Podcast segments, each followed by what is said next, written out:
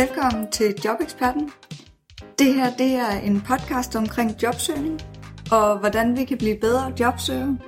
Mit navn er Diana Lund Andersen. Jeg taler med eksperter om jobrelaterede emner, og i hver episode får du ekspertens bedste råd til din jobsøgning. Tak fordi du lytter med.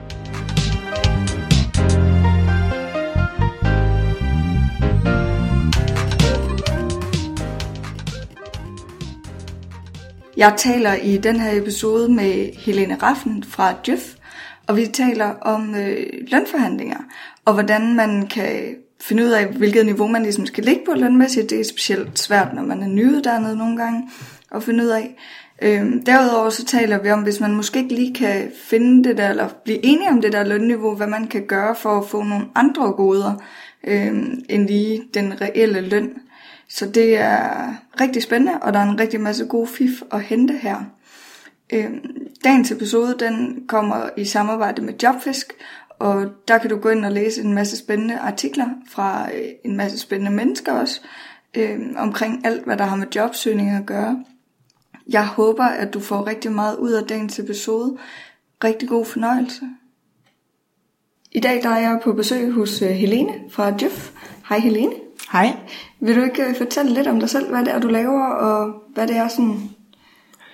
Jo, det vil jeg gerne. Øh, jeg sidder som lønforhandlingschef i Djøf, og, øh, og det betyder, at jeg dagligt rådgiver vores medlemmer, der ringer ind, for eksempel i forbindelse med en jobskiftesituation, hvor de skal til jobsamtaler og skal forhandle deres løn og vilkår i forbindelse med et eventuelt kommende nyt job.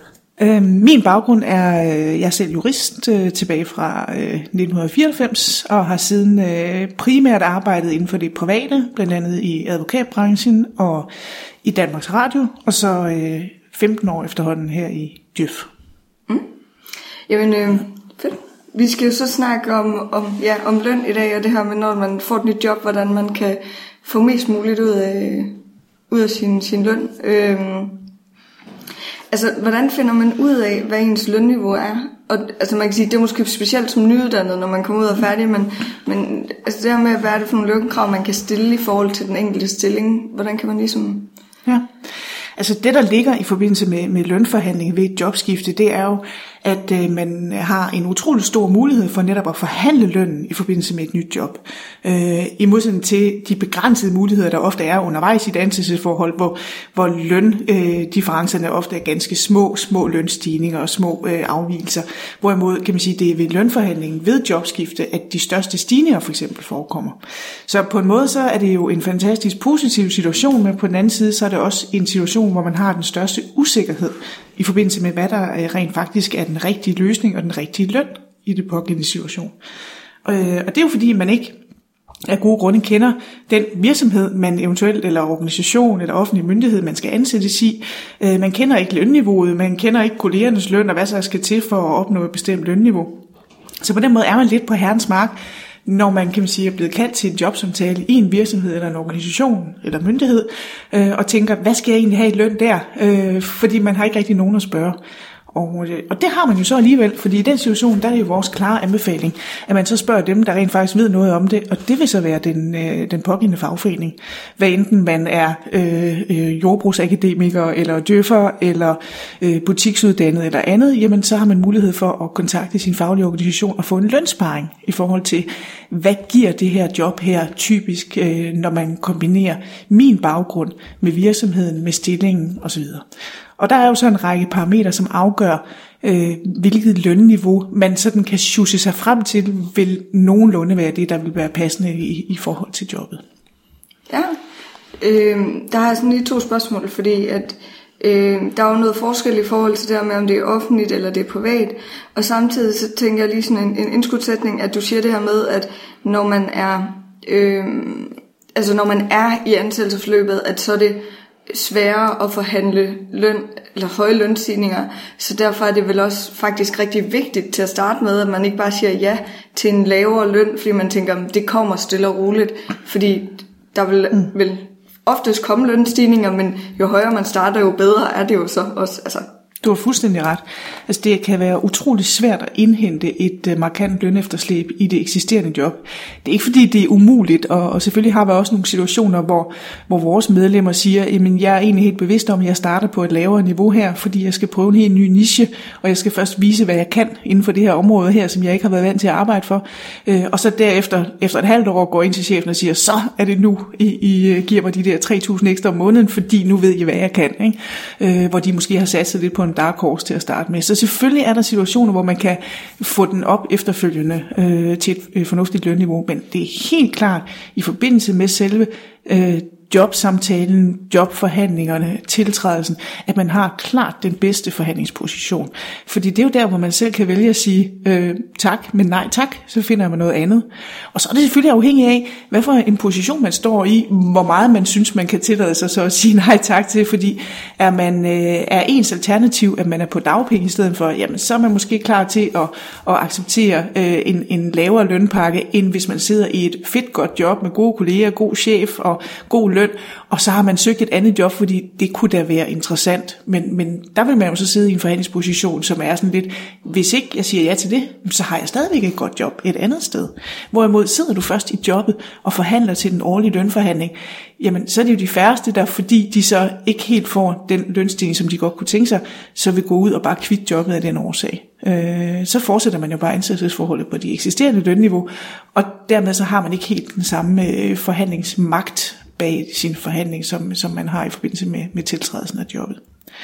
Så det er det ene, og det, det andet, du spurgte til, det er jo meget øh, relevant, det er jo spørgsmål omkring overenskomst. Øh, I hvilket omfang betyder det rent faktisk noget i forhold til jobbet?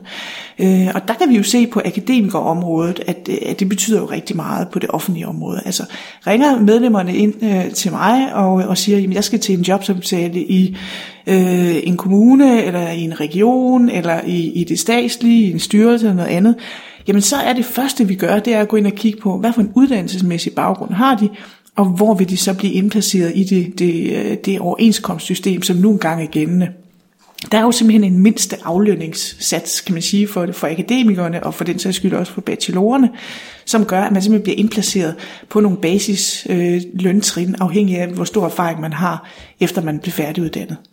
Øh, og, øh, og det kan man sige, det er jo sådan noget, man ikke kan gå væk fra. Så i den situation kan man ikke gå ud og sige til en kommune, jamen øh, I kan bare tage mig, fordi jeg vil godt arbejde for 20.000 om måneden, og så kan jeg vise, hvad jeg kan, og så videre. For det, det må de simpelthen ikke. Så mm. overtræder de jo overenskomsten. Så der er nogle helt faste indplaceringsregler øh, til at starte med. Det betyder så også omvendt, at så kan du heller ikke forhandle dig højere op, eller hvad? Jamen det kan man faktisk godt. Altså hvis vi kigger på, øh, på øh, øh, hvad der er teoretisk muligt, så består lønnen jo af noget, noget indplacering, altså basisløn, og, og for djøffernes vedkommende også for det, der hedder rådighedstillæg, som er sådan en slags ekstra tillæg for, for noget mere arbejde, pensionsdel, og så derudover så er der, og det gælder for alle inden for det offentlige, et individuelt løndel. Øh, altså kvalifikationstillæg simpelthen. Og den individuelle løndel, den er i princippet uden loft. Så øh, kommer du ind, og er du tilstrækkeligt god, jamen så kan man sagtens øh, lave en aftale om, at din individuelle løndel skal være sky high. Øh, realiteten er bare, øh, hvis vi ser på de nyuddannede, at der er de bare ikke specielt øh, altså, øh, gavmilde med at give de her individuelle tillæg øh, til at starte med. Det hænger sammen med, at der er en helt automatisk lønudvikling inden for de første sådan 4-5 år. Øh, af, af ens øh, ansættelse inden for det offentlige, at der stiger man markant helt automatisk på det her lønsystem. Man hopper simpelthen nogle trin op løbende, og det gør, at, at der ligger virkelig en lønudvikling der. Og, og hvis de øh, propper en masse kvalifikationstillæg på en, en ung, nyuddannet akademiker til at starte med, så følger det jo med oven i de her fantastiske lønstigninger, der kommer de næste, de næste 4-5 år, jamen så kommer kvalifikationstillægget også med. Og, øh, og det er de faktisk ikke interesseret i, for så bliver man alt for dyr. Så øh, det vi ser, det er, at der er nogen, der får det. Nogen nyuddannede får det. Men det er typisk, fordi de har en helt særlig baggrund. Et eksempel, jeg havde, det var en, der inden hun øh, blev færdig som, øh, som jurist, jamen så øh, havde hun faktisk en øh, sygeplejerskeuddannelse. Og det gjorde så, at da hun skulle ansættes inden for, for det sundhedsfaglige område i, i en region, jamen så havde hun rigtig gode øh, begrundelser for, hvorfor hun skulle have et øh, kvalifikationstillæg, fordi hun var faktisk ikke bare ligesom en hver anden nyuddannet jurist, fordi hun havde den sundhedsfaglige del med også uddannelsesmæssigt. Så det var helt klart en mulighed for hende at få et tillæg der, øh, og det var så i størrelsesorden omkring 2.000 ekstra om måneden. Ikke? Så selvfølgelig er der mulighed for at, at forsøge at forhandle, men i langt de fleste tilfælde, 95 procent cirka af, af de nyuddannede øh, akademikere, jamen der er det basisløn, man bliver indbaseret på. Okay. Så man kan måske også faktisk skyde sig selv lidt i foden ved, at man bliver for dyr at have i den anden ende, hvis man forhandler sig selv for langt op til at starte med. Ja, altså man bliver nok næppe øh, skudt til side af den årsag, øh, fordi øh, øh, kan man sige, de, de vil bare vælge at sige, jamen øh, det giver vi ikke til de nyuddannede, eller det giver vi ikke til dem med en eller halvanden eller to års erfaring, øh, fordi man er i et lønforløb. Så hvis de vil give noget, jamen så er det fordi, de faktisk mener, at man har en unik profil og gerne vil, vil være med til at honorere den kompetence. Okay. Så tænker jeg, øh, det her med, altså det som siger, det, det kan være ret svært, specielt som nyuddannet, hvor man ikke har noget, eller hvis man laver et brancheskifte, øh, at finde ud af, hvor mit lønniveau mm-hmm. skal ligge henne. Yes. Øh, men, men jeg tænker sådan, hvad er faren ved at sætte, altså, sætte sig selv enten for højt eller for lavt? Mm-hmm. Øh, måske specielt for lavt, fordi som nyuddannet mm-hmm. tror jeg, det er i hvert fald min egen erfaring, det der mm-hmm. med, at man, man føler måske ikke, man har så meget at komme med altid, som man undervurderer måske lidt sig selv i forhold mhm. til ja. ens lønkrav. Ja. Altså problemet er selvfølgelig øh, først og fremmest, hvis du sætter dit øh, lønkrav for lavt. Øh, fordi øh, så vil du typisk opdage, at du har solgt dig selv for billigt, og øh, når du så kommer på den pågældende arbejdsplads og opdager, at der er tre andre, som øh, sidder i samme position som dig, og, og måske har samme øh, kompetenceprofil, at de får 4.000 mere om måneden, så vil du lynhurtigt gå hen og blive rimelig bitter over, at du har solgt dig selv for billigt. Og det er jo et udtryk for, at lønnen er jo ikke bare løn. Øh, løn er ikke kroner, og hvad vi kan gå ud og købe for dem. Løn er også et udtryk for fairness og retfærdighed. Så øh, hvis man føler, at man relativt set bliver for lavt lønnet, set i forhold til for eksempel kolleger på samme niveau, jamen så vil man være utilfreds med aflønningen, og så skal man så til at i gang med det der hårde arbejde med at, at forhandle sig op. Ikke? Fordi det vil jo typisk være sådan, hvis du øh, spiller ud med et lavt øh, lønniveau, så vil jeg gerne se den arbejdsgiver, som siger, ah, det synes vi er lige lavt nok, øh, du får lige 2.000 mere oven i hatten. Ikke? De vil da selvfølgelig slå til, fordi kan de få øh, dig billigt, jamen øh, så øh, velkommen i klubben, og så kan de jo altid gøre dig glad ved at hælde lidt på senere øh, efterhånden, som, som tiden går. Så, øh, så det gælder jo om at spille ud i, øh, med et, øh, et udspil, som under alle omstændigheder i hvert fald ikke er under det, som arbejdsgiver er klar til at give. Det er lidt ligesom, hvis du køber, øh, skal hen og købe en brugt bil, og hvis du siger, at jeg vil godt give øh, 10.000 for den, og sælger med det samme, kigger på dig og siger, top, så vil de fleste nok også tænke, at der er nok et eller andet galt med den bil, ikke? Altså, så vil man ikke bare tænke, nej, hvor var det fedt, jeg fik den så billig, han sagde ja med det samme, fordi så vil man tænke, ah, der stikker noget under, ikke? Så, øhm, så det vigtigste er selvfølgelig, at man spiller sit udspil så højt, så, så man er sikker på, at, øh, at det ikke er, er mindre end det, som de rent faktisk var interesseret i at give. Så er der selvfølgelig også et, øh, en fare ved at spille for højt ud. Hvis du spiller for højt ud, øh, så kan du blive betragtet som værende, altså øh, uden, uden at have sat dig ind i tingene på ordentlig vis, altså fuldstændig urealistisk øh, øh, hoved op i skyerne, og hvad havde vedkommende forventet. Og dermed så kan man faktisk øh, spille sig selv af banen, hvis man øh, spiller så højt ud, så arbejdsgiver tænker, at det har hun jo ikke tænkt øh, over, og hun aner ikke, hvad vi får her, plus at øh, vi kan slet ikke gå så højt op i forhold til for eksempel vores nuværende ansatte lønniveau. Øh, og så kan man simpelthen risikere, at det er det, der, der gør, at man ikke øh, bliver kaldt til anden samtale, hvis man spiller for højt ud. Men det, der er vores erfaring, det er, hvis man kan fortælle, hvorfor at du spiller højt ud, altså underbygge de tal med nogle fakta, jamen så vil du stort set altid blive taget seriøst. Så kan det godt være, at du ikke får den høje løn, som du havde tænkt dig, men, øh, men, men du vil kunne forklare hvorfor, og du har gjort dig den ulejlighed at undersøge branchen. Og det er derfor, man skal gå ind og kigge på, hvad er det for nogle parametre, der faktisk afgør, hvor, øh, hvor lønnen egentlig bør lande henne. Og, øh, og der har vi jo nogle forskellige elementer, som, øh, som afgør øh, markedsværdien. Altså først og fremmest, så er noget af det mest, øh, øh kan man sige, det der påvirker din, dit lønniveau allermest, det er jo spørgsmål omkring ancienitet og erfaring. Altså, hvornår er du blevet færdig? Hvor lang tid har du arbejdet inden for dit faglige felt? Øh, og, og dermed også, kan man sige, de kandidatår. Fordi der er jo ikke nogen der er i tvivl om, at en, som har tre måneders erfaring efter en kandidateksamen, og en, der har 10 års erfaring efter en kandidateksamen, jamen de har en vidt forskellig løn, selvom de måske begge to sidder som økonomisk konsulent øh, i en virksomhed for eksempel, og sidder med den samme type arbejde. Så det påvirker ekstremt lønniveauet. Øh, det andet, det er uddannelsesbaggrund. Øh, der er også forskel på, hvad du har af, af uddannelse. Nogle er bare i, i højere kurs end andre. Øh, inden for vores felt, jamen, så er for eksempel økonomerne i ekstrem høj kurs, hvorimod de mere, kan man sige, øh, bløde HR, samfundsfaglige relaterede områder, de er i lidt lavere kurs. Så man skal være så bevidst om, at hvis man tilhører en af de grupper, for eksempel som nyuddannet, som der er bud efter, øh, så kan man også tillade sig at have en, en højere lønforventning, end hvis man tilhører en af, af de grupper, som der er, er lidt flere øh, af i ledighedsstatistikken. Øh, jeg har et spørgsmål til den, fordi Djøf har jo det her fantastiske værktøj på deres hjemmeside, hvor man simpelthen kan gå ind og lave sådan en, der er sådan en lønberegner. Mm-hmm. Øh, men, men nogle gange, så har jeg, sådan, så har jeg været til jobsamtale, mm-hmm. hvor at jobbet har været sådan lidt uden for min, min Djøf mm-hmm. baggrund, hvis man kan sige det på den måde.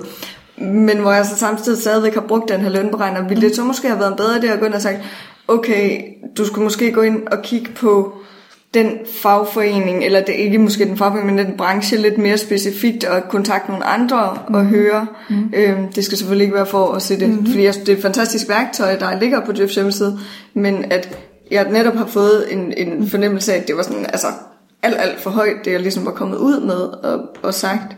Ja. Øhm. Altså det, der, det, der jo øh, ligger i vores lønberegner, det er også det tredje parameter, nemlig branchen, som du nævner. Mm. Øh, branchen er ekstremt vigtig, fordi der er bare kæmpe stor forskel på, hvad du får i forskellige brancher i, øh, i Danmark. Og, og det afspejler sig, uanset om du sidder for eksempel i en støttefunktion. Det kunne være, at man sidder som bogholder, øh, og der vil det, det at være bogholder i en medicinalindustri bare give meget mere, end at være bogholder i en lille produktionsvirksomhed. Så på den måde, så, øh, så afspejler branchen også rigtig meget det lønniveau, der er. Så kan man selvfølgelig kvalificere det yderligere, hvis man søger inden for en specifik branche, hvor man ved, her er meget, meget få djøffere måske, men der er til gengæld vanvittigt mange journalister. Så kan man selvfølgelig prøve at se, om man kan undersøge, hvordan ligger niveauet så for, øh, for journalister i, i den type stillinger, øh, ved at og eventuelt øh, prøve at se, om de har tilsvarende værktøjer på Journalistforbundets hjemmeside. Så jo mere du kan kvalificere øh, din, din lønundersøgelse, jo bedre. Øh, det vil jeg sige. Hvem kan man, altså jeg tænker, hvem kan man ellers spørge? Altså, er der, fordi du kan jo ikke ringe til virksomheden og sige, hvad er lønniveauet? det kan altså, man godt, men de vil sikkert ikke svare. Nej, ja, og, men ja, fordi også fordi, ja, at jeg tænker, at nu er vi jo sådan, altså nu er vi jo heldigvis, kan man sige, på vej mm. ud af, mm. at en dårlig periode og sådan, men, men som nok har tvunget mm. lønningerne ned også. Ja. Men, ja det er den ene del af det. det dels så kan du selvfølgelig, øh, du kan godt på en måde ringe til virksomheden. Det skal nok bare ikke lige være chefen. du skal, øh, I mange tilfælde vil der være en, øh, en tillidsrepræsentant faktisk. Øh, blandt andet inden for hele den finansielle sektor vil der være en tillidsrepræsentant, og inden for det offentlige system selvfølgelig vil der altid være tillidsrepræsentanter. Så man har mulighed for at ringe til at høre, hvordan ligger en lønniveau så hos jer for en med min baggrund og erfaring? Hvor typisk er det, man får tillæg? Hvor typisk øh, bliver man indplaceret osv.? Hvad ligger man normalt på? Hvor stor er jeres pensionsprocent osv. Hvis man for eksempel vil vide, hvor mange penge har man til forbrug, øh, når pensionen er trukket fra. Så, så der kan man kvalificere sine, øh, sine overvejelser lidt. Øhm, ved siden af det, så skal man selvfølgelig også være klar over, at de her lønstatistikker, de viser jo primært folk, der er i jobsene. Altså når man svarer, så svarer man jo på, hvad for job har jeg, og hvad får jeg så i løn, og hvor meget, og så videre, og hvilken branche. Det betyder også, at det ikke nødvendigvis er øh, gennemsnittet eller medianen på de her lønstatistikker, som man skal tage udgangspunkt i, når man søger job. Altså øh, typisk vil man jo sige, at jeg skal da bare have det, som alle dem, der har den her type stilling, skal have. Men det er jo ikke nødvendigvis sådan, fordi man er jo ny, øh, måske inden for den type stilling eller inden for den branche. Og når man bliver ny indrekrutteret, så behøver man ikke at ligge midt i feltet af, af de 10 kollegaer, man kommer til at arbejde sammen med. Øh, så vil man vil jeg typisk opleve, at, at det er mere realistisk at gå efter det nedre kvartil mm. øh, i forbindelse med de her lønstatistikker, fordi man netop kommer ind, og så skal man vise, hvad man så i øvrigt kan, og så får man tillæg, og så kommer man nok op og ligge på et tidspunkt enten i midten, eller måske endda i den høje del. Ikke? Øh, så det skal man selvfølgelig lade, lade afspejle sig i sin lønforventning. Det betyder ikke, at man ikke kan spille ambitiøst ud, men så kunne det godt være, at man skulle spille ud med noget, der lå måske maks på midten af feltet, og så være klar til at bevæge sig nedad i forhold til, øh, til det nedre kvartil, øh, frem for måske at spille ud i den øvre ende, og så bevæge sig nedad. det der med at bevæge sig, det vil jeg også godt lige slå et slag for, fordi øh, øh, vores oplevelse er helt klart, at, øh, at hvis man skal have en god forhandlingsproces med en kommende arbejdsgiver, så skal man øh, også virke forhandlingsvillig. Og hvis man skal være forhandlingsvillig, så skal man også kunne bøje sig. Og, og skal man kunne bøje sig, så bliver man nødt til ikke at lægge sig på det niveau, man egentlig gerne vil have, det skal ende på til at starte med. Så det her med at spille ud øh, med noget, som er øh, giver plads til, at man selv kan bevæge sig undervejs. Det er, det er ret vigtigt, for ellers så kan man meget hurtigt komme til at virke stejl og ultimativ i forhold til en kommende arbejdsgiver. Og det bryder de sig ikke om. Øh, det giver ikke dem en opfattelse af, at man bevæger sig. På samme måde, så har de også ofte givet plads til bevægelse i deres udspil. Så hvis en kommende arbejdsgiver siger, at vi havde forestillet os 32.000 om måneden, så er det ikke nødvendigvis der, man ender. Så kunne det sagtens være, at de har givet plads til, at de kan bevæge sig op til 33,5 eller 34. Og det er det, man så skal afsøge øh, ved sin, øh, sin øh, hvad hedder det, forhandlingsmulighed øh, med arbejdsgiver. Så vil sige, at man skal heller ikke bare sådan tage det første, det bedste bud egentlig, fordi det, det kan jo nok, som du selv siger, mm. hvis man kommer fra dagpenge af, eller man er helt nyuddannet, så er 32.000 jo altså mange penge. Fantastisk mange altså, penge, ja. Men, men at der jo ikke er nogen grund til at, ja. at bare sige ja. ja. Øh. Man kan i hvert fald øh, prøve af og se, hvordan ser det ud med muligheden for at komme lidt højere op, fordi hvis jeg kigger på statistikkerne, så er det øh, gennemsnitligt er sådan og sådan, og jeg havde forestillet mig sådan og sådan. Hvad tænker I om det? Så man ligesom åbner forhandlingen i forhold til, til modparten, så de har mulighed for at sige, nej, men det kan vi ikke. Her har vi 32, og det gives til alle de nyansatte, nyuddannede, der starter. Eller de siger, ja, men vi kunne godt forestille os måske 33 eller andet. Og så får man ligesom øh, prøvet af, om de er friske på at give noget mere. Det er sjældent, de spiller ud med, med de sidste udspil. Okay. Det vil det være. Hvis vi går tilbage til, hvad for nogle ting, der også betyder noget ja. i forhold til, til, øh, til hvor, hvor du skal ligge henne, så er sådan noget som uh, geografi faktisk også utrolig afgørende. Mm. Uh, der er simpelthen bare forskel på lønniveauet, afhængig af om du søger et job i Lykstør eller søger et job i København. Øhm, det er dem i Lykstør nogle gange lidt utilfredse med, fordi der er ikke nogen tvivl om, at de får mindre, end, end man gør i de store byer. Men, øh, men til gengæld er leveomkostningerne også lidt lavere, og det kan de så godt øh, se i mange tilfælde, når vi, når vi snakker lønforhandling med dem. Så, så hvor, hvor du er hen i landet, er også utrolig afgørende for, øh, hvor dit lønniveau ligger. Og så selvfølgelig også øh, virksomheden. Hvad, er det en stor eller en lille virksomhed? Øh, er det en virksomhed, der er i vækst? Og er det ikke mindst en virksomhed, som er præget af, af mange højtuddannede? Og, og, eller er det en virksomhed, som er præget af, af mange ufaglærte for eksempel? Jamen det vil også påvirke lønniveauet i henholdsvis den ene og den anden retning. Ikke? Så det skal man også tage med i sine overvejelser i forhold til det lønudspil, man skal komme med. Øhm. Og der er det måske meget rart at vide, at, øh, at en stor højprofileret virksomhed er ikke nødvendigvis lige med høje lønninger. Vi har øh, en hel del af de, de største virksomheder, sådan mest attraktive arbejdspladser i, i Danmark, både offentlige og private, øh, Mærsk, Finansministeriet, Danmarks Radio osv. Øh, jamen, det er faktisk ikke dem, der er lønførende. Og det er de ikke, fordi at øh, de har så mange øh, at vælge imellem af kandidater, som godt ved, at det her det er en karrierevej, og, øh, og dermed også et step, som de er klar til at tage, uanset lønnen, fordi det åbner op for så mange andre muligheder. Så, øh, så det er ikke nødvendigvis det her med, at det er stort og flot, og, og har godt rygte osv., at så får man også en høj løn. Tværtimod. Okay. Det er jo, altså, men det kan man jo sige, det er måske også, som du siger, det her med tanken om, at så får man også brandet på sit CV, mm. og det giver måske også noget i forhold til, at man i fremtiden ville kunne forhandle bedre løn Præcis, på den altså, næste arbejdsplads. Ikke? Præcis. Øh, mange ser det som en stepstone i forhold til deres øh, karriere og sige, jamen øh, så kan det godt være, at jeg skal være her i et par år og få noget erfaring, og så har jeg mulighed for at komme videre. Øh, på samme måde ser vi også inden for, øh, for altså mediebranchen generelt, reklamebranche, medier, øh, tv osv., det er jo ikke de høje lønninger, øh, der er tale om der. Øh, det, er, det er et spørgsmål om, at de har nok at tage af, der gerne vil ind og, og prøve det, snuse til det, og så eventuelt lave deres eget på et tidspunkt, eller, eller komme videre inden for, for branchen på nogle lederstillinger, ikke?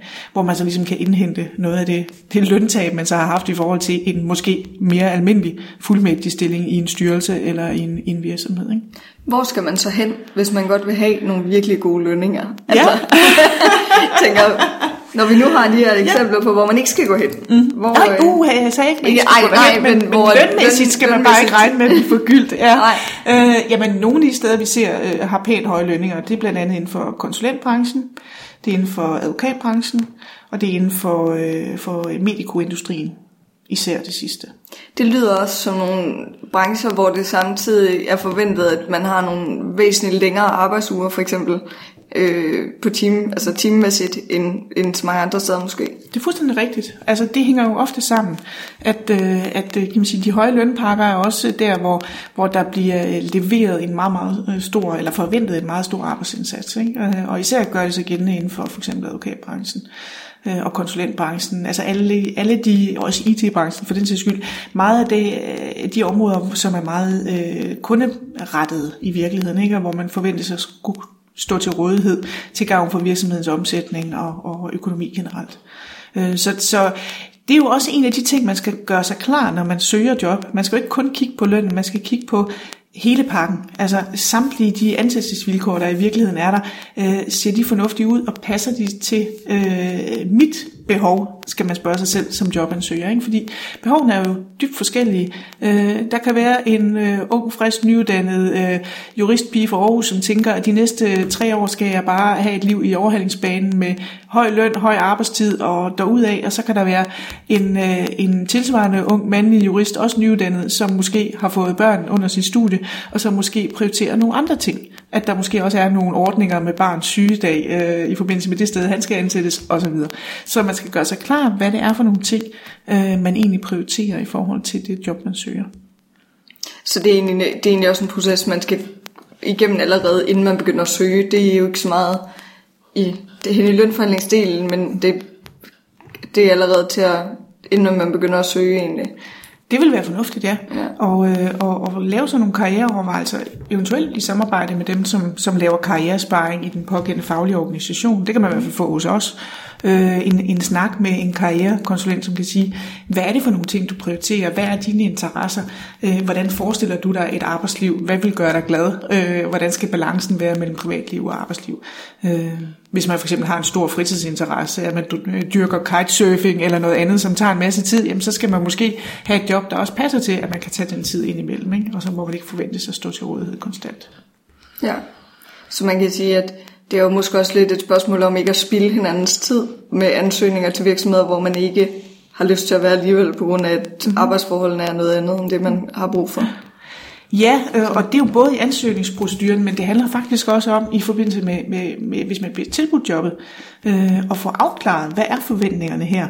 Ikke at det skal skrives ned i en ansættelseskontrakt, for det ser vi sjældent, at man skriver ned lige præcis, hvad arbejdstiden er osv., men at man får en, en idé om, hvordan ser en typisk arbejdsdag ud, eller arbejdsuge ud på, på jeres sted. Øh, fordi ellers så vil man ikke bare have spildt sin andens tid under jobsamtalen, men det er en virkelig, virkelig dyr investering for virksomheden eller organisationen, hvis de ansætter en, som efter 3-4 måneder tænker, det her, det spiller ikke sammen med det, som jeg troede, det var. Øh, plus at vedkommende selv har spildt sin tid og, og sit CV på en meget kort ansættelse, som man i hvert fald ikke skal have mange af, fordi så begynder det at se mærkeligt ud. Ikke? Ja. Så, så det der med, at jeg prøver det lige af og ser, hvad det er, det er faktisk en dårlig idé. Øh, gør noget benarbejde inden og finde ud af, hvordan er det i den her virksomhed, hvordan er det i branchen generelt, øh, og hvad er mine egne interesser i forhold til, til mit arbejdsliv. Ja. Yes. Tilbage til, til løn ja. øh, fokuset.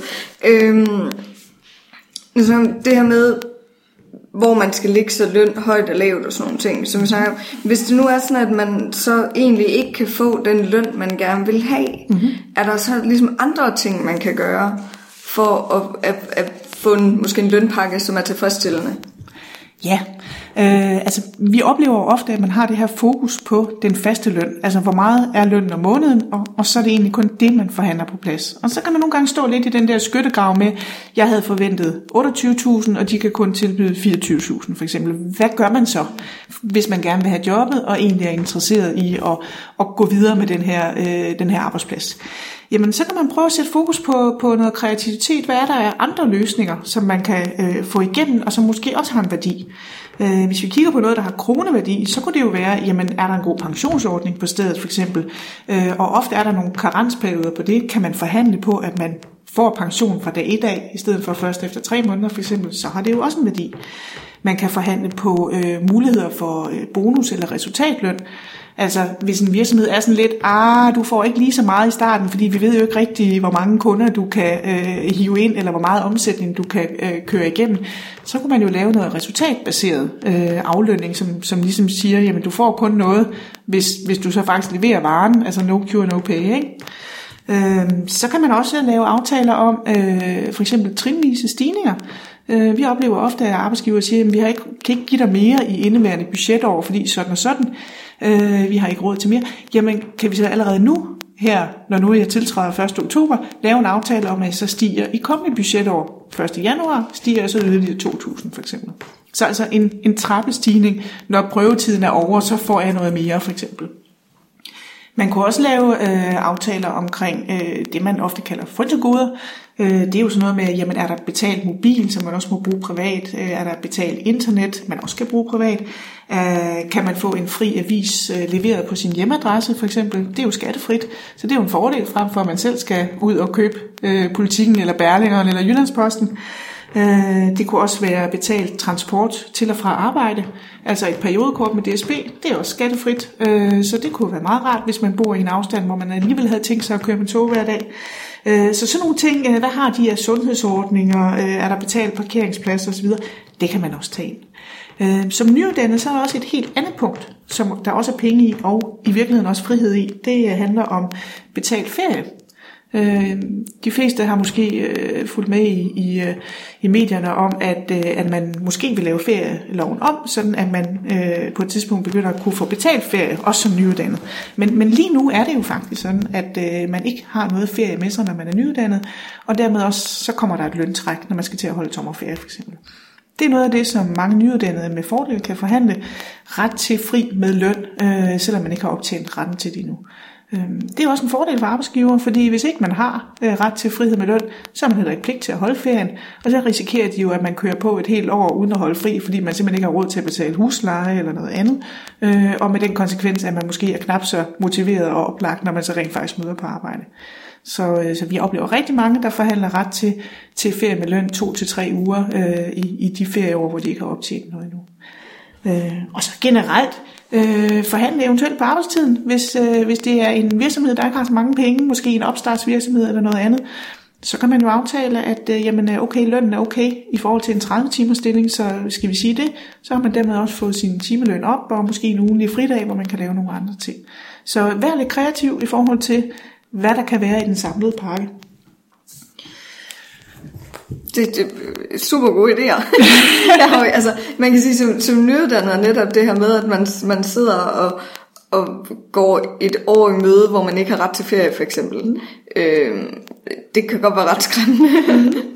Fordi man i forvejen skal ud i noget, som er helt nyt og kommer til at være meget energikrævende, er min antagelse i hvert fald. Øhm, så det synes jeg, det var det, en, en rigtig god pointe i hvert fald. Og mange arbejdsgivere, kan jeg jo så lige tilføje, tror rent faktisk, at det stadig er sådan, som det var, da de var unge, nemlig at man kan få ferie dagpenge. Det kan man ikke mere. Så når man fortæller dem, så plejer de faktisk at være rimelig åbne over for at lave nogle løsninger. Okay. Jamen, det, er jo, det er jo godt at have med i, med i baghånden. Øhm, så tænker jeg, øh, når man er til den her samtale, mm-hmm. nu tænker vi har snakket lidt om det her med, hvordan man forbereder sig i forhold til at kigge på statistikkerne og, og branchen osv. Men, men skal man ligesom selv bringe det på banen til samtalen, eller skal man vente til, at arbejdsgiveren gør det? Sædvanligvis øh, ville det være en god idé at vente, øh, fordi øh, løn er jo et område, hvor man har modsatrettede interesser, så der kan hurtigt blive sådan, jeg vil ikke sige konflikt, men i hvert fald, man, man er på hver sin side af bordet. Øh, og, øh, og den situation må gerne blive udskudt til det tidspunkt, hvor, hvor øh, arbejdsgiveren er blevet tilpas forelsket i øh, den her jobansøger, og har sagt, Linette, det er hende, vi gerne vil have. Ikke? Øh, og, og så kan Linette komme med sit øh, lønudspil i den situation. Ikke? Men, øh, men det vil være en fordel ikke at bringe det på banen selv, men man skal være forberedt på det, fordi hvis arbejdsgiver bringer det på banen, så nytter det ikke noget at sidde og sige, øh, bø, det har jeg ikke tænkt over øh, i forhold til arbejdsgivers spørgsmål, om man har en lønforventning. Og øh, de spørger jo Ikke altid, men ofte, fordi de skal have afklaret, om der er et eller andet lønniveau, som de skal overveje, om de overhovedet kan matche. Øh, vi ser typisk, at spørgsmålene bliver stillet, hvis man går til samtale i de, i de offentlige stillinger, og hvor de ikke ved, om den en lønpakke, man har med sig eller har haft tidligere i tidligere ansættelse, hvor den ligger henne niveaumæssigt øh, fra det private. Kommer man for eksempel og har været advokatfuldmægtig i halvandet år, og så søger man job i det offentlige, jamen så kan man faktisk nemt have kommet fra en, en lønpakke på over 40.000, som de måske har svært ved at honorere i, øh, i det nye job. Og derfor vil de gerne have det på banen for at finde ud af, er det noget, eller er det ikke noget? Ja, jeg tabte tråden. det er helt i orden. det, der er vigtigt at vide, det er jo også øh, i jobskiftesituationer, at, øh, at bliver man spurgt til noget med aktuel løn, så må man aldrig lyve omkring det. Jeg oplever altid nogen, der, der, der tænker, ah, men vi kan da lige loppe den lidt op, altså for at bruge det som et pres i forhold til, til, øh, til, til den nye arbejdsgiver, og selvom de måske er ledige, så øh, lyver de lidt om, hvad de fik i lønnen i det gamle job, for eksempel. Øh, og det er en rigtig dårlig idé, fordi øh, udgangspunktet er jo, at man skal tale sandt til en jobsamtale, og det gælder også, hvis man oplyser et aktuelt lønniveau.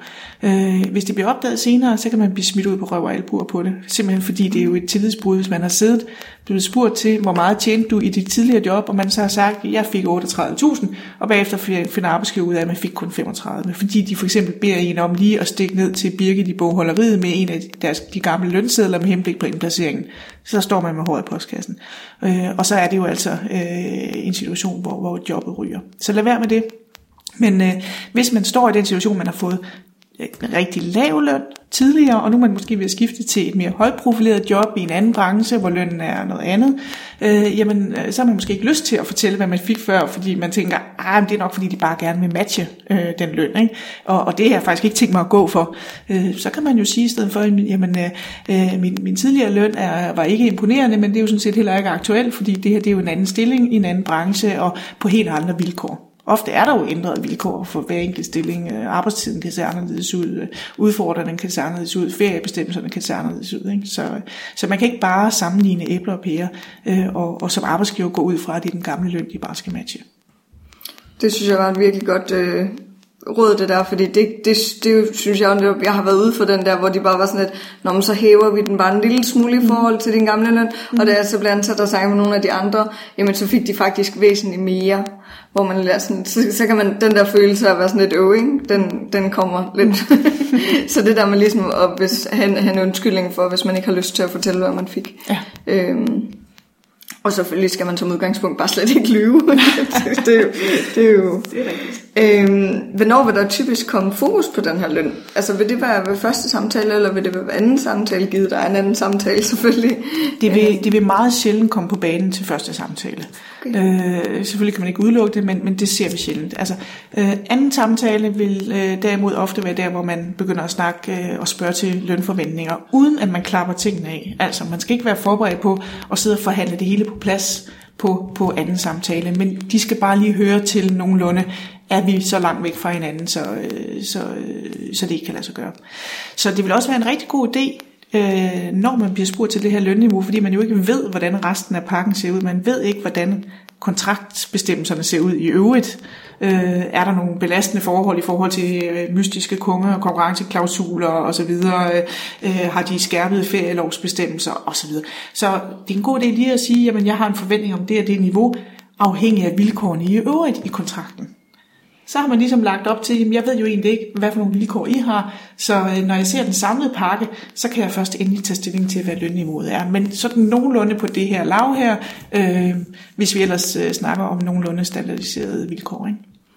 Vil man kunne sådan noget som øh, konkurrenceklausuler for eksempel, hvor du siger, øh, du må ikke, øh, hvis du stopper her og bliver fyret eller siger op, eller hvordan det er, så må du ikke arbejde inden for den her branche de næste to år, eller hvordan det nu kan være skruet sammen. Det er meget typisk, ja. Kan man bruge det som en lønforhandling? Altså at sige, jamen, okay, men med den klausul synes jeg også, jeg er nødt til at få x antal kroner mere i løn, fordi det er det her, jeg er uddannet indenfor, så i giver mig, altså I stiller mig virkelig dårligt i den anden ende, hvis jeg skulle ske, altså hvis vores arbejde, eller samarbejde, så ophører. Ja, Øh, altså der ligger i dag jo nogle kompensationsbestemmelser i øh, reglerne om konkurrenceklausuler, men de giver kun halvdelen af den løn, man ellers ville få. Så, så kan man sige, bliver man øh, opsagt, og står man med en konkurrenceklausul, der kan forhindre en i at komme videre, så er man altså kun garanteret den halve løn i den periode, man er dækket. Så, så det er jo langt fra nok for de fleste. Så det vil være en rigtig god idé i den situation, og, og også lægge vægt på at sige, jamen lønnen, givet at der er så de her skærpede vilkår, og I begrænser min mulighed for at komme videre, så skal den lidt højere op, for sådan en, en begrænsning har jeg ikke i dag, for eksempel. Øhm, og det giver også god mening, fordi vi ser jo, at i det øjeblik, man har skrevet under på en konkurrenceklausul i en kontrakt, så vil man jo også typisk have svært ved at komme igennem til de årlige lønforhandlinger med lønkrav. Fordi en arbejdsgiver jo godt ved, man kan ikke røre på sig. Mm. Øh, det kan godt være, at de ikke helt giver den lønstigning, som man havde ønsket, men de ved også godt, at man ikke øh, i overmorgen kan aflevere opsigelsen og gå over til konkurrenten, eller starte for sig selv inden for, for konkurrerende beskæftigelse. Så, så det er helt klart, at en konkurrenceklausul påvirker lønudviklingen negativt, og, og det kan man jo så tage højde for i øh, kontraktforhandlingerne ved at kræve en højere løn. Kan man omvendt også gå ind og sige, at jamen, hvis jeg så bliver opsagt, eller hvad det kunne være, at så skal den her kompensation være højere end det, der ellers, altså hvis du siger, ja. det er 50 procent, så jamen det er fint, at den her klausulen er der, men jeg vil have en kompensation, der hedder 75 procent. Det er måske lidt højt sat ja. så. Men... Nej, det, dem har jeg set flere af, at man har lykkes at komme igennem med netop nogle, øh, nogle højere kompensationsgrader, altså på 75 eller 80, jeg har også set nogle på 100 faktisk, hvor man kan sige, jamen hvis konkurrenceklausulen ikke betyder noget som helst i forhold til mulighederne for at komme videre, jamen så skal de heller ikke betale noget, fordi der er jo en modregningsadgang i, i konkurrenceklausulerne øh, i, i de fleste måneder i hvert fald, man er dækket. Og, og det gør jo, at arbejdsgiver jo under alle omstændigheder så slipper gratis, hvis den ikke betyder noget, men betyder den rent faktisk, at man ikke kan komme videre, så skal de også betale det faktiske tab, man har haft, nemlig svaren til en almindelig månedsløn, så man kan betale sine regninger. Så det er også et forhandlingsparameter i den her samlede pakke, som en, en kontrakt er. Ikke? Og, og der vil jeg jo generelt anbefale, at man, man aldrig skriver under på sådan en, en kontrakt, uden at man har konsulteret øh, sin faglige organisation i forhold til, hvad, hvad der er almindeligt, og om det er juridisk korrekt, og om der er nogle ting, man skal spørge ind til, eller hvad der nu øh, ligger af, af muligheder. Ikke? Øh. Ja. Hvordan, altså fordi det tænker jeg, at i forhold til det her, det kan måske være mere overskueligt for øh, virksomheden nu og her at sige, jamen vi kan ikke give dig en højere løn nu og her, men så kan vi give dig det her på konkurrenceklausulen i stedet for for eksempel. Fordi så er det jo ikke en udgift, de har nu og her. Ja. Så er det nemmere at komme igennem med et eller andet sted, og man er selv bedre sikret. I den anden ende. Ja, og det kommer jo an på, hvad det er for en virksomhed. Fordi nogle virksomheder har jo ikke noget problem med, med, med at give en løn, eller med, med likviditeten, eller noget andet. Der er det måske nogle andre forhold, der gør, at, at de ikke har mulighed for at, at, at give en højere løn øh, med hensyn til de øvrige øh, kolleger osv., man skal have. Men, men hvis der er tale om nogle virksomheder, for eksempel opstartsvirksomheder, som måske Øh, skal bruge deres penge på alt muligt andet, og på markedsføring og være kunder osv., jamen så kan det være en, en god måde ligesom at, at give noget på de øvrige vilkår. Det kunne også være at give noget på, på, øh, på ferievilkårene, som jo heller ikke er en ekstra udgift, men bare en mulighed for, at man kan holde noget mere fri på et tidspunkt, måske næste år. Ikke? Det kunne også være, at man skulle give noget på, på barselsvilkårene for eksempel øh, velvidende, at, at den person, man er ved at ansætte, nok ikke lige sådan skal på barsel forløbe, øh, jamen så øh, er det jo også en mulighed at give noget på sigt øh, som en slags fastholdelse. Forbedrede opsigelsesvilkår er også en af de ting, man kan forhandle.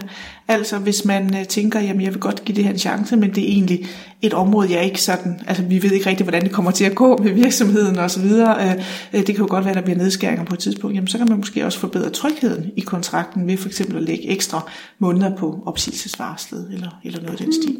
Det altså sådan, at man stadigvæk selv har de 30 dage, men, eller den løbende måned plus... Øh, men så har virksomheden måske et halvt år i stedet for tre ja. måneder, eller den For eksempel, måned, eller, ja, eller der bliver lagt en eller to måneder på det til enhver tid værende varsel. Ikke? Ja. Eller at de forpligter sig til, hvis man bliver opsagt, for eksempel på grund af virksomhedens forhold, at så forpligter de sig til at give noget outplacement bistand eller andre ting. Ikke? Så mm. det er jo også noget, kan man sige, som ikke koster noget, men som kan være en rar ting at have øh, i forbindelse med, at man starter jobbet op. Ikke? Som er sådan en sikkerhed ja. for tingene. Ja. Hvad hedder det? Hvis nu det er sådan, at man har været ledig i noget tid, enten efter en uddannelse, eller bare at man er blevet opsagt, eller selv har sagt op, skal det afspejle sig i ens lønkrav? Altså jeg tænker, du kan jo godt have været ledig bare i tre måneder, men hvis du kommer op og er ledig i et år, eller måske to år, Altså skal, man, skal det afspejle sig i, hvad man, hvad man gerne vil have i løn? Ja, på en måde, fordi øh, det vi snakker om helt til at starte med, det er i virkeligheden, at man skal være sig helt bevidst om, om den forhandlingsposition, man har, og det alternativ, der er, hvis man ikke indgår en aftale, for eksempel om en ansættelse til et bestemt lønniveau. Nemlig, at, at så vil alternativet for nogle kunne være måske, at de er på vej til at droppe helt ud af dagpengesystemet. Øh, eller for andre kan alternativet bare være, at de fortsætter med at, og, øh, og skulle leve på, på dimittendsats for eksempel, som måske heller ikke er så attraktivt i forhold til for eksempel et job til 25.000 om måneden, selvom man gerne ville have haft 30. Så det afspejler selvfølgelig, kan man sige, den, øh, den lyst til at give køb på nogle ting i forhold til virksomheden, som så også gør, at man, man godt kan, kan man sige, slå lidt af på, på forventningerne. Hvorimod, hvis man ved, at man har tre forskellige jobtilbud i løbet af, af de næste tre måneder, hvor man er ledig, fordi man er en af dem, der bare havde høje karakterer og fede studiejobs osv., jamen så øh, behøver det jo ikke at betyde noget som helst, at man har været ledig i en periode eller mellem to jobs for eksempel. Så, så det afhænger meget af, hvad for en situation man står i, og hvor meget man skal være klar til at, at, at, at slå af. Øh, så, så der kan det være øh, en god idé lige at, at give det sådan et, et, et rerun på, på billedet af, hvad man forventer i, i løn af den pågældende situation. Ikke? Og så afhænger det jo også af, om det er altså konkurrencen omkring jobbet, hvordan øh, er man blevet øh, klar over det her job? Er det noget, man er blevet kan man sige, headhunted til? For det der jo faktisk nogen, der gør også relativt nyuddannet, der bliver øh, opfordret til at søge et bestemt job, eller øh, bliver, bliver ligesom gjort interesseret i det, hvorimod der er andre, der søger på lige fod med, med måske 200 andre, der søger det samme job øh, som konsulent i en virksomhed i Aarhus, jamen så øh, er det bare en anden forhandlingsposition. Er man blevet individuelt pointet ud til, at vi kunne godt tænke os, at du søgte, øh, jamen så står man også i en bedre forhandlingsposition. Og så kan en ledighedsperiode måske ikke betyde noget i den sammenhæng, hvis de lige synes, at, at det er den rigtige person. Mm. Øhm, det kan også afhænge lidt af, hvad omstændighederne har været. Altså hvis omstændighederne har været, at du måske ikke har haft mulighed for at søge job, for eksempel fordi man har fået øh, barn lige efter en uddannelse, eller fordi man har været med øh, kæresten i London, øh, da han blev udstationeret, eller et eller andet, og så har gået derover og, og hygget, jamen så står man øh, lidt stærkere, end man gør, hvis man, kan man sige, har søgt kontinuerligt job i 15 måneder og ikke har fundet noget, og, og bare været, kan man sige, almindelig ledig. Øh. Er det også noget, som virksomhederne bruger? Altså i deres udspil. Fordi det, en ting er jo, hvad, hvad, hvad jeg som jobsøger kommer med som mm. forventning, mm. men er det noget, som virksomheden omvendt også bruger, mm. og man kan sige imod en, men at, okay, jeg kan se, at du højst sandsynligt har været på dagpenge det sidste år, så derfor så vælger vi at komme med et lavere udspil, end vi ellers ville have gjort. Altså de, øh, de har nok i hvert fald gjort sig den overvejelse, at der ikke er et eksisterende øh, lønniveau, som de skal matche. Altså at man ikke selv sidder med nogle udgifter, som man har en forventning om, der skal blive betalt via det her job her, øh, som er i meget, det meget høje klasse. Så på den måde ved de godt, at de måske ikke behøver at komme med så meget, som de skal komme med hvis det er en, der er i et aktuelt job et andet sted, som, som måske har det som, som et fuldstændig fast krav, at jeg skal have mindst 38.000, ellers så er jeg, overhovedet ikke interesseret. Så, så på den måde er de bevidste om det, men, men jeg oplever egentlig ikke, at de til at starte med sædvanligvis øh, generelt bare spiller lavere ud og siger, Nå, vi plejer at ansætte vores øh, nyuddannede til omkring 30, men du har været ved et år, så du får kun 27. Altså, den har jeg faktisk ikke hørt nogen øh, steder fra. Øh. Okay. Nej, fordi det var bare sådan en umiddelbar tanke, at man godt kunne tænke, at de vil gerne, som du selv sagde tidligere, at hvis man kan presse det ned som virksomhed, mm. så vil man mhm. selvfølgelig også prøve det, og så kunne det godt være, at de ja. ligesom brugte det som, øh, som udgangspunkt også. Jeg, jeg, har sådan, at, jeg har oplevet et par gange, at man bliver spurgt til, øh, til lønforventningen allerede i ansøgningen. Altså så man simpelthen skal opgive, når man søger stillingen, enten i sin ansøgning eller i det der system, man søger i, hvad, det, hvad man forventer af løn. Mm-hmm. Altså, er det, jeg tænker, det er, sikkert, det er sikkert en anden, som vi sammen før os med udvælgelsesproces i forhold til, hvis folk har alt for lønkrav. Så, mm-hmm. Men hvordan skal man så selv, altså, hvordan skal man forholde sig til det? Fordi det er jo sindssygt svært at, at sidde. Ja, Øh, og især fordi, hvis det foregår øh, altså, øh, maskinelt via IT-systemer, så har man ikke mulighed for at ledsage det af den der øh, spørgende, jeg vil gerne drøfte det her nærmere, jeg havde forestillet mig nogenlunde i det niveau, hvad tænker I om det, som er en invitation til forhandling, hvor man siger tal, men egentlig er indstillet på at os snakke om det og som ikke fejrer nogen af bordet. Øh, så derfor så er det sværere øh, i sådan en situation at skrive noget, fordi man er selvfølgelig bekymret for at skrive noget, som på en eller anden måde kan diskvalificere en i processen. Der, hvor man typisk bruger det, i de virksomheder, man bruger det, det er, hvis, hvis den stilling, man slår op, kan appellere til en meget, meget øh, bred vifte af folk, lige fra selvlærte til øh, øh, højt uddannede universitetsfolk. Altså, hvor, hvor, hvor de simpelthen på forhånd ligesom kan sige, at det kan godt være, at vedkommende der, som er selvlært, kunne være interessant, men til gengæld, så har vi så ikke tænkt os at betale 55.000 om måneden, som vi måske godt kunne finde på med en, der havde mange flere års erfaring og havde en relevant uddannelse osv. Så for at få, ligesom, få matchet mellem, mellem kvalifikationer og, og lønniveau øh, i forhold til udvælgelsen.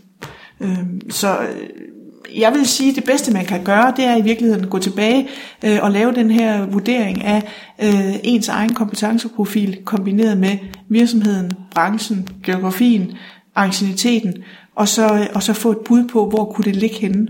Øh, og så som sagt, vil de fleste skulle tage udgangspunkt i den nedre kvartil frem for midt i feltet, øh, hvis man er i en aktuel situation og en rekrutteringssituation. Det vil være det bedste bud, øh, fordi så kan du også forklare det, når du, øh, når du eventuelt kommer til en jobsamtale og bliver spurgt, mm, nu skrev vi forventet lønniveau, og der skrev du 31.000. Øh, hvorfor det? Ja. Så er det jo vigtigt, at man kan sige, jamen det gjorde jeg, fordi jeg har undersøgt selvfølgelig, hvad man får i tilsvarende stillinger i den her type job, og, og der var det øh, typisk, at man, hvis man som nyuddannet, som jeg kommer ind i en virksomhedsvid, så lander man nogenlunde på det niveau. Men det er selvfølgelig noget, jeg er klar til at snakke nærmere om, også i forhold til jeres lønpolitik her i virksomheden.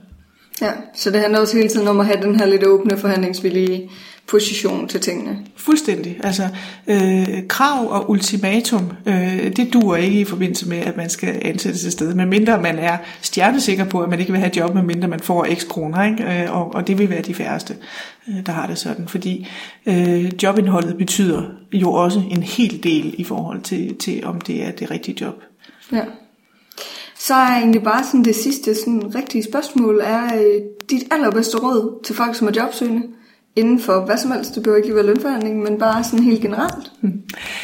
Jamen det er øh, måske at være åbne over for øh, tidsbegrænsede ansættelser. Okay. Øhm, rigtig mange fokuserer på, på de faste, øh, sikre jobs, også som nyuddannet.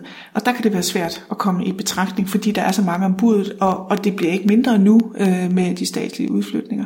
Så på den måde så... Øh, så hvis man skal øh, komme i spil, så kunne det være en rigtig god idé at prøve at fokusere på, på de jobs, der bliver slået op, også på jobportaler osv., så måske er for eksempel et år i barselsvikariater eller andet. Fordi det vi ser tit, hvis man kommer ind i en virksomhed øh, i et vikariat, det er, at rigtig mange bliver der og ender med at få faste jobs.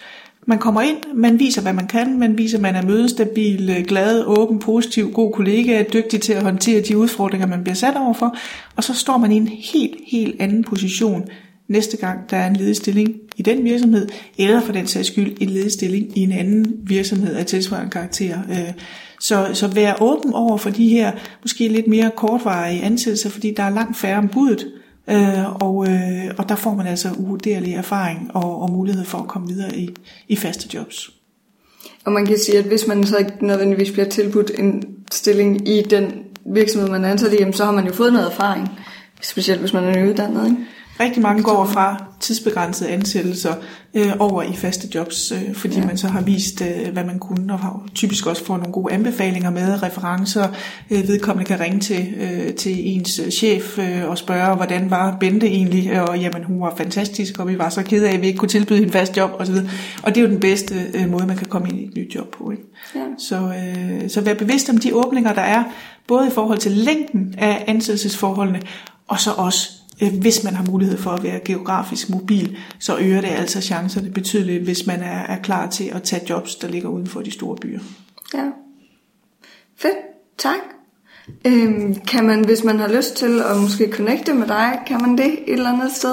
Det kan man sagtens. Øh, man kan enten finde mig på LinkedIn, eller man kan gå ind på Jeffs hjemmeside og finde mine kontaktdata, hvor mit direkte nummer og min mailadresse også står. Så man er meget velkommen til at kontakte mig. Og øh, hvis man generelt øh, gerne vil have noget lønsparing, øh, så Djøfs rådgivning, tænker jeg, hvis ja. man er medlem af Djøf, eller hvordan er Ja, lige præcis. Ja, ja vi, øh, det, det skal man helst være. Øh, jamen, så ringer man bare ind til vores almindelige hovednummer og, og siger, at man har øh, behov for en lønsparing, og så bliver man simpelthen sat op til vores øh, rådgivningsvagt, hvor jeg sidder nogle af dagene, og mange andre kolleger sidder nogle andre dage, og så snakker man med en konsulent om, hvad det er for et job, øh, man eventuelt skal til at forhandle løn i, øh, eller skal forberede sig på i forbindelse med en øh, løn, øh, jobsamtale. Øh, og, så, øh, og så tager man den derfra. Og vi er åbent hver dag fra 9 til 16, også om fredag. Fedt. Og jeg er næsten sikker på, at det kan man gøre hos langt de fleste fagforeninger. Alt andet ville være mærkeligt, synes jeg. Det tror jeg bestemt. Ja, det tror jeg bestemt. Jamen, øh, rigtig mange tak, fordi du havde lyst til at være med, Helene. Det har været rigtig interessant og lærerigt. Det er jeg glad for at høre. Og så øh, held og lykke med jobsøgningen og lønforhandlingen derude, ikke? Min snak med Helene var øh, super spændende, synes jeg. Og øh, ja, der var simpelthen så mange ting i forhold til specielt det her med, hvad man kan forhandle omkring. Øh, Udover selve lønnen, hvad man, hvordan man ligesom kan gøre det bedre for sig selv i lønforhandlingen. Og øh, ja, jeg håber i hvert fald, at du fik rigtig, rigtig meget ud af det. Hvis det er sådan, at du har lyst til at deltage i min workshop, øh, blive set som jobsøgende, så hop ind på kolinlund.dk og, øh, og meld dig til. Det er den 21. oktober 2015. øh, og så er der ikke så meget andet at sige for mig end øh, god jobjagt.